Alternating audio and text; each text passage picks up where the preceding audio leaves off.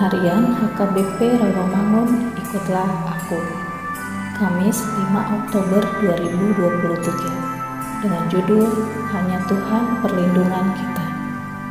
Bacaan kita pagi ini tertulis di dalam Yeremia pasal 43 ayat 1 sampai dengan 13 Bacaan kita malam ini tertulis di dalam 2 Timotius pasal 2 ayat 14 sampai dengan 26 dan kebenaran firman Tuhan yang menjadi ayat renungan kita hari ini tertulis di dalam Mazmur pasal 142 ayat 7 yang berbunyi Perhatikanlah teriakku sebab aku telah menjadi sangat lemah.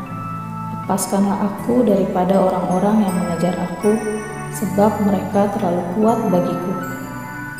Demikian firman Tuhan Sahabat ikutlah aku yang dikasihi Tuhan Yesus.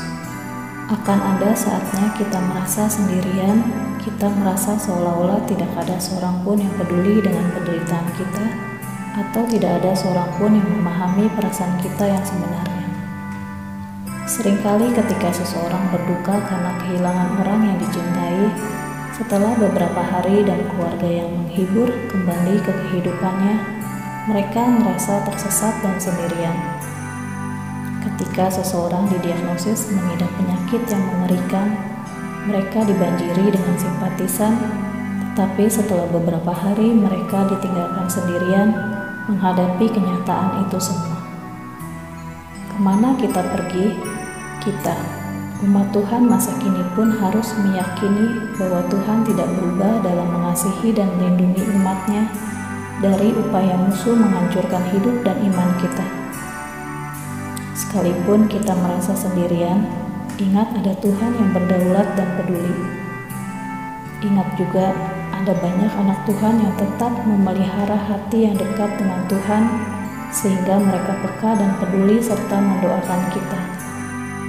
Kasih karunia-Nya selalu mencukupi kehidupan kita.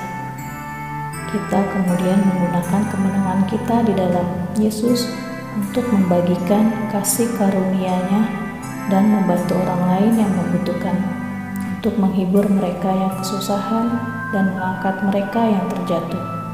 Kita memuji Tuhan atas kebaikannya, kasihnya, dan belas kasihannya terhadap kita.